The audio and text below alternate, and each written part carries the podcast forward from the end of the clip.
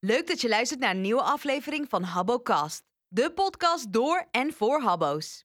Welkom en leuk dat je luistert naar de tweede aflevering van Eerwas Babbelbox. En vandaag gaan we het eigenlijk net als vorige week gaan hebben over de Formule 1, want we hebben opnieuw een race weekend achter de rug. En ik eh, heb helaas vandaag geen gast kunnen strikken. Nou ja, het is, is te zeggen, ik heb wel de twee niet-menselijke gasten naast mij. Ik uh, heb hier ja, naast mij eigenlijk twee kleine kittens liggen. We hebben uh, twee weken geleden hebben we twee kittens geadopteerd. En uh, als je wil weten hoe erg mijn Formule 1 verslaving is, dan ga je het hiermee gelijk weten. Want ze hebben eigenlijk allebei een naam gekregen van, van een Formule 1 driver. We hebben een jongen en een meisje. En de ene heet Oscar, naar Oscar Piastri. En het meisje, die, die heet Charlie. En als je vorige week hebt geluisterd naar mijn podcast, dan heb je hoogstwaarschijnlijk wel gehoord dat ik voornamelijk een Ferrari-fan ben. En vooral een Leclerc-fan. En die heet natuurlijk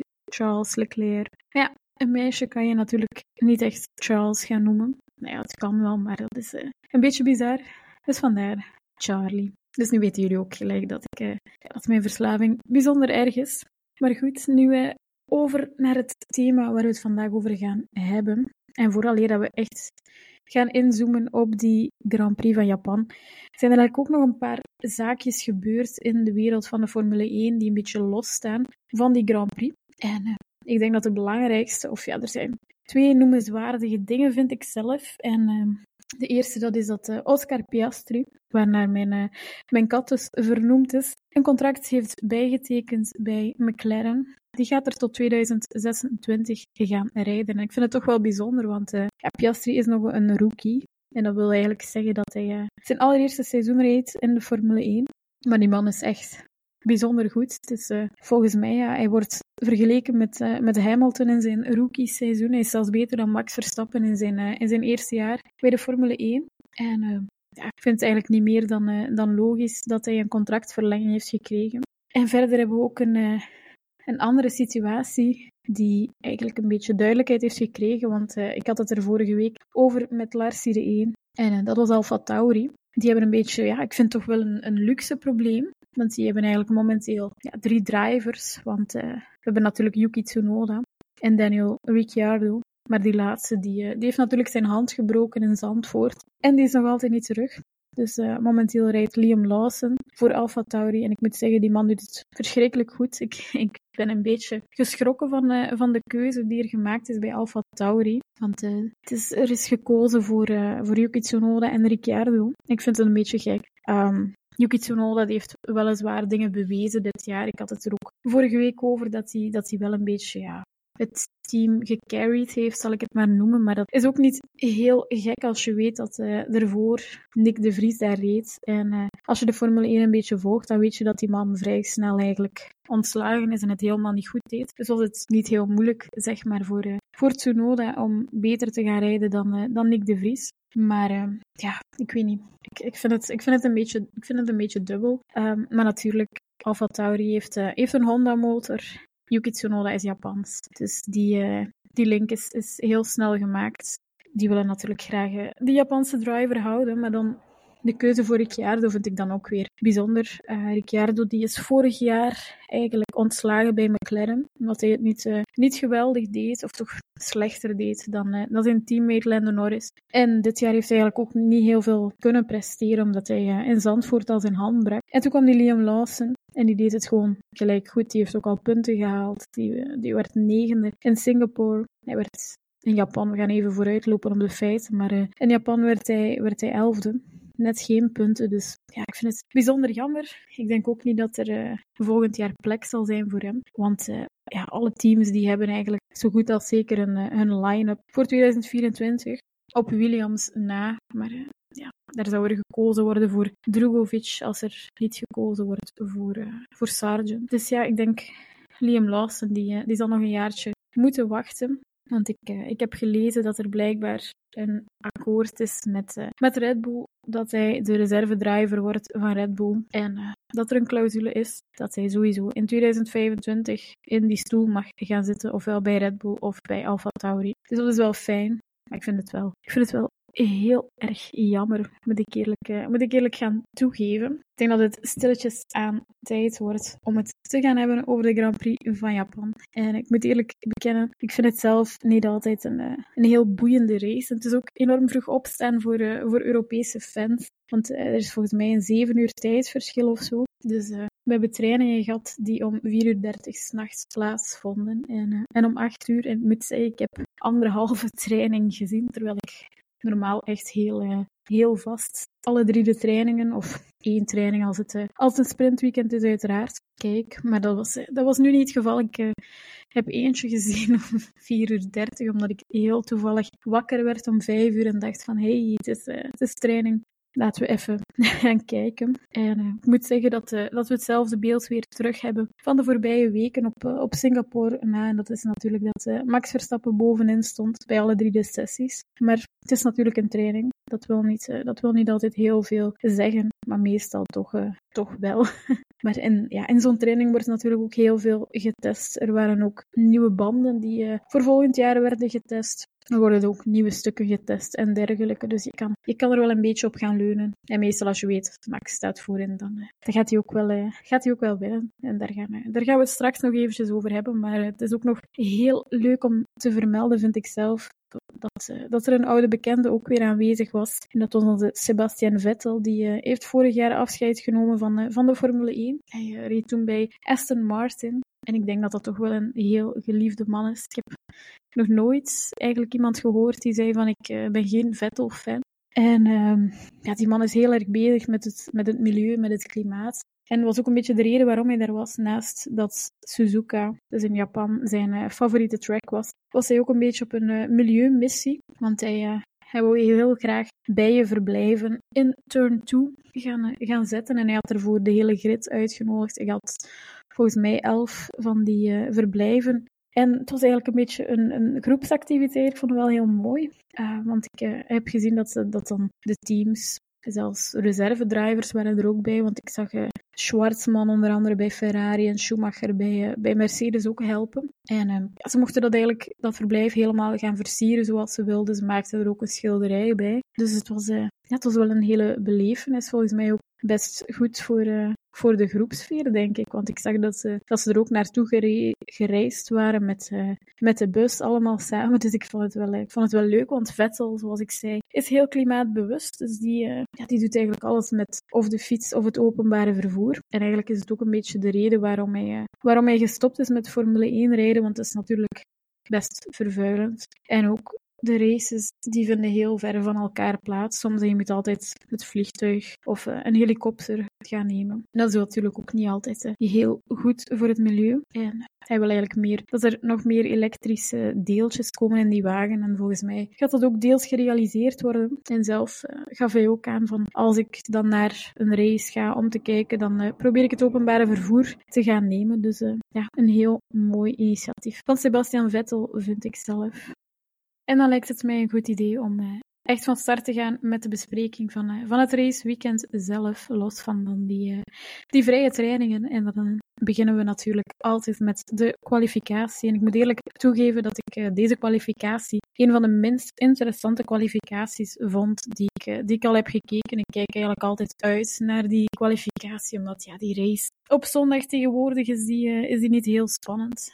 Want Max Verstappen die, die wint meestal. En ja, met de kwalificatie heb je soms zo dat je denkt van, oh, nu gaat, uh, nu gaat iemand anders op één komen. En uh, ja, dan gaat Max Verstappen er meestal toch terug over. Maar uh, dat is niet altijd het geval. Dat was vorige week bijvoorbeeld niet het geval in, in Singapore.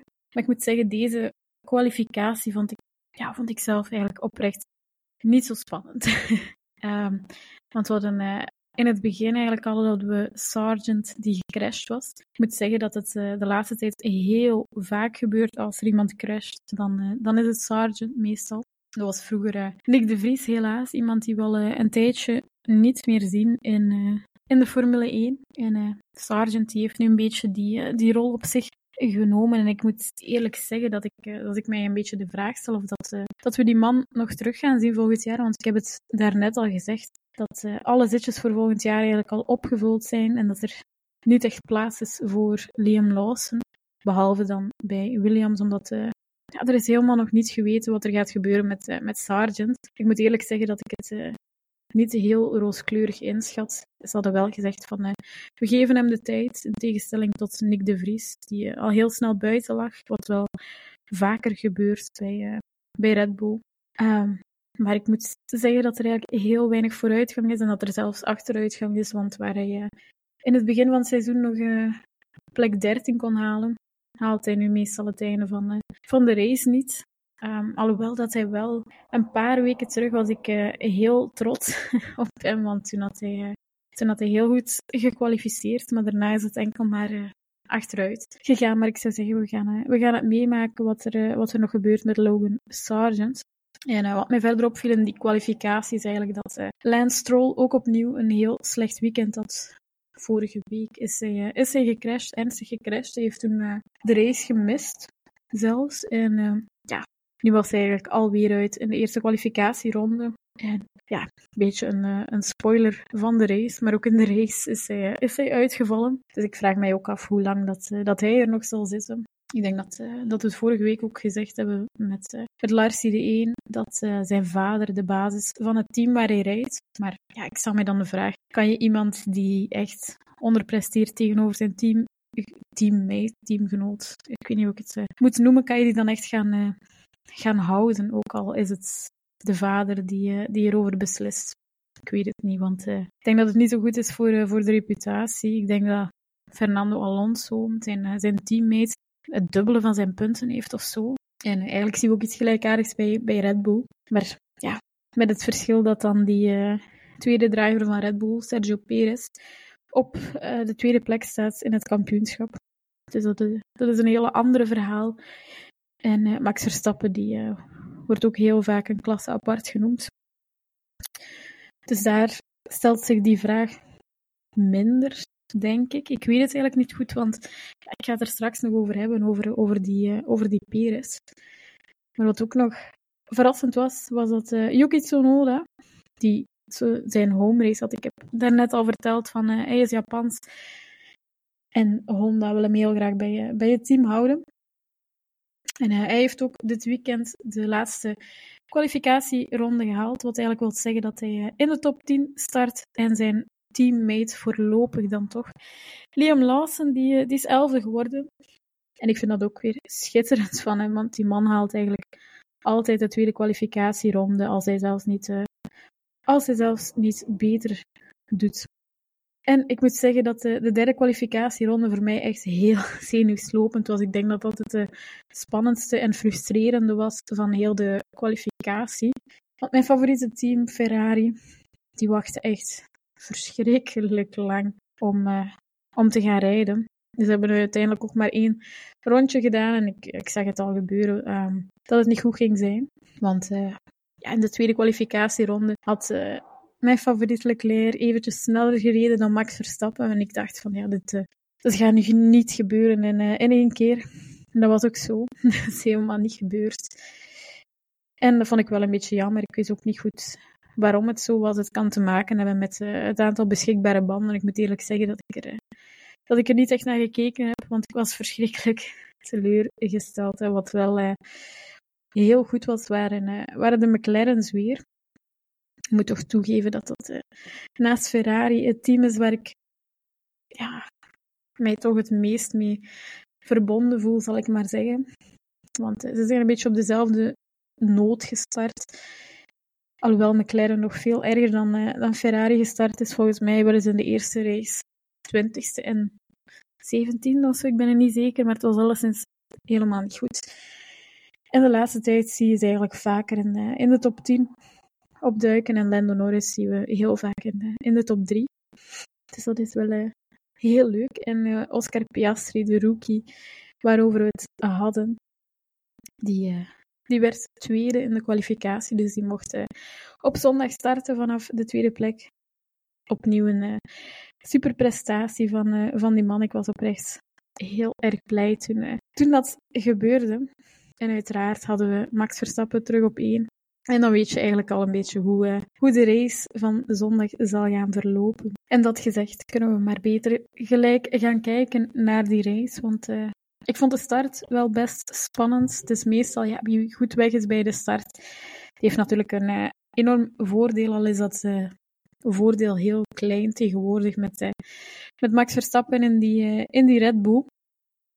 En ik moet eerlijk toegeven dat beide McLaren's heel goed, heel goed gestart waren. Um, het was nog eventjes spannend, want Max ging een beetje, ging een beetje breed op Oscar Piastri, waardoor Piastri een beetje moest eh, gaan remmen, wat hem natuurlijk een beetje tijd heeft gekost. Maar uh, ja, Max Verstappen die had dat natuurlijk gezien en die uh, is opzij gegaan.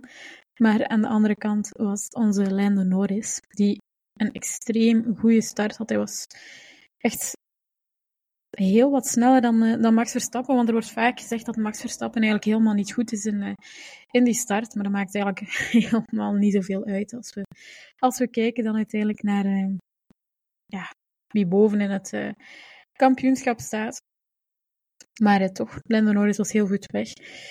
Maar helaas, Max Verstappen die, die was beter weg. Uiteindelijk, die kwam beter op gang.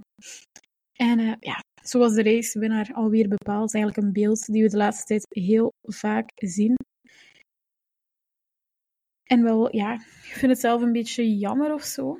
Ik heb wel gelezen dat Max Verstappen heeft gezegd van eh, mensen die het niet leuk vinden dat ik elke week win, zijn geen echte Formule 1-fans. Ja, kan ik wel deels in komen. Het is natuurlijk heel mooi dat hij, dat hij dat kan en dat hij zo echt met 20 seconden voorsprong steeds gaat, gaat winnen op van iedereen. Dat is natuurlijk heel mooi. Maar uh, voor de spanning is het toch, ja, toch heel wat minder. Want Singapore, waar hij dan niet gewonnen is, vond ik zelf een veel spannendere race. Want je had echt tot op het laatste moment vier auto's die nog konden winnen.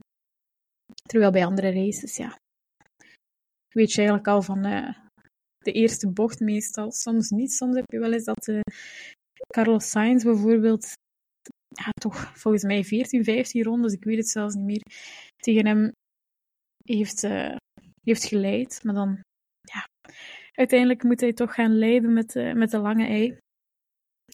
Want ja, dan gaat, dan gaat Max hem gewoon voorbij en dan weet je van, de race is ook weer, weer voorbij. Maar ja, het is natuurlijk heel mooi wat hij, wat hij doet. Ah, wat wel heel bizar was, nou ja, bizar beetje vreemd was dat er eh, enorm veel mensen uitgevallen zijn. Ik denk dat het wel de race kan zijn waar de meeste mensen uitgevallen zijn. Alhoewel Australië was ook best, eh, best een pittige op het eind. Toen zijn er ook heel veel mensen uitgevallen. Maar ja, hier hadden we, ja, we hadden eerst Bottas die, eh, die uitviel. En ja, die zit eigenlijk ook een beetje in een, in een pechstreak zal ik, het, zal ik het maar noemen, want in Singapore is hij ook uitgevallen. Ik moet eerlijk toegeven, ik vind Alfa Romeo dit jaar echt het uh, slechtste team op de grid. Samen met, uh, met Haas, denk ik. Um, Haas die heeft wel zo van die, van die opstootjes waar ze het even beter doen. Vooral dan uh, Hulkenberg. Wat moet ik toegeven, Magnussen de laatste weken ook wel. Maar Alfa Romeo is echt dus elke week laatste of voorlaatste als, als sergeant, niet laatste. En uh, ja, die Bottas die werd vandaag geduwd door Perez, iemand die ook al sinds Singapore denkt dat hij uh, een beetje een botsauto zit, want in Singapore reed hij Alex Albon al aan. En nu was het Bottas, en Bottas die uh, vloog op zijn beurt tegen Alex Albon, die ook later uitgevallen is. En ook Sargent die viel uit, dus beide Williams die zijn eigenlijk uitgevallen. Wat dus opnieuw heel slecht is voor, voor Sargent met het oog op een contract volgend jaar. En uh, wie ook uitviel, waar ik ook vragen bij stelde eerder deze, deze podcast, was onze Lance Stroll. En ja, het meest bizarre die ik ooit heb gezien, die, dat is gebeurd met Perez. Onze Red Bull driver, ik heb het daarnet al gezegd, we gaan het nog even heel kort over die, die Perez gaan hebben. Dus ik zei al, hij denkt al een beetje sinds Singapore dat hij in een botsauto aan het rijden is. En hij gaat iedereen gaan, gaan aanrijden, een beetje zoals Fiat in, in vroegere tijden. Maar uh, ja, die man die is volgens mij twee keer, drie keer zelfs van voorvleugel moeten gaan wisselen, waardoor Red Bull zei van joh, we kappen er gewoon mee. Want natuurlijk, ze hebben niet uh, oneindig aantal voorvleugels en als ze iedereen bleef rammen, dan, uh, ja, dan ging het helemaal niet, niet goed komen. Maar ja, Perez die had, zoals ik al zei, iemand geramd met, met zijn botsauto. Iemand van, van Haas, volgens mij was het Kevin Magnussen. En hij heeft daarvoor een penalty gekregen, maar natuurlijk, ja, het hadden al gezegd van je stopt ermee, dus je rijdt niet meer. En ik wist helemaal niet dat het kon. Maar ineens zag ik Perez weer in die auto zitten en ik dacht van, hé, wat, uh, wat gaat er nu gebeuren? Dit is heel, heel, heel bizar. Um, en uiteindelijk is Perez terug op de baan gekomen om die penalty van vijf seconden te gaan, te gaan volbrengen. Want anders had hij een probleem bij de volgende race. Ik weet niet wat, wat de gevolgen zijn. Maar ja, op die manier heeft hij dus die penalty kunnen voldoen en is hij eigenlijk penaltyloos tijdens de, tijdens de volgende race. Ik vind het echt bizar. En ik heb het gevoel dat dat iets is dat, dat enkel bij, bij Red Bull zou toegelaten zijn. Want we hebben het vorige week ook gehad over uh, Max Verstappen, die echt zijn weekend niet had in Singapore. En mensen gingen, ja, gingen in de weg rijden en een aantal fouten had begaan, waarvoor hij geen penalty kreeg. Waar trouwens heel veel discussie over is nu. Want uh, heel veel teams willen dat onderzoek terug openen, omdat ze eigenlijk helemaal niet eens zijn ermee. En ja, ik heb een beetje het gevoel dat dit hetzelfde verhaal is. Ik moet wel zeggen dat uh, blijkbaar een leemte is, een, een leeg gat in eh, de wetgeving, waar er nu dus wel regels over gaan, gaan komen, over dat als je uitvalt, dat het niet de bedoeling kan zijn dat je terugkomt en dan ja, gewoon een penalty gaat, gaat volbrengen. Maar ja, ik, ik ga er een beetje van uit als, als het bijvoorbeeld Leclerc was of het was Norris of ik weet niet wie die dat deed, dat er heel veel discussie over uh, zou gaan ontstaan. Maar dat, uh, dat was hier niet het geval. Maar dat was een beetje het, het vreemdste die ik dit weekend heb gezien. En verder hadden we eigenlijk ook een akkefietje, zal ik het maar noemen, tussen de Mercedes Boys. En dat is eigenlijk niet voor het eerst dat er een akkefietje is met Mercedes Boys. Want als je Formule 1 al een beetje langer volgt, dan weet je dat Lewis Hamilton met zijn oude teammate Nico Rosberg ook wel vaker hoe zal ik het noemen, rare dingen heeft, uh, heeft gedaan. En iets gelijkaardig zagen we nu een beetje bij George Russell en Lewis Hamilton. Want ja, in het begin van de race eigenlijk al was George Russell sneller dan Lewis Hamilton.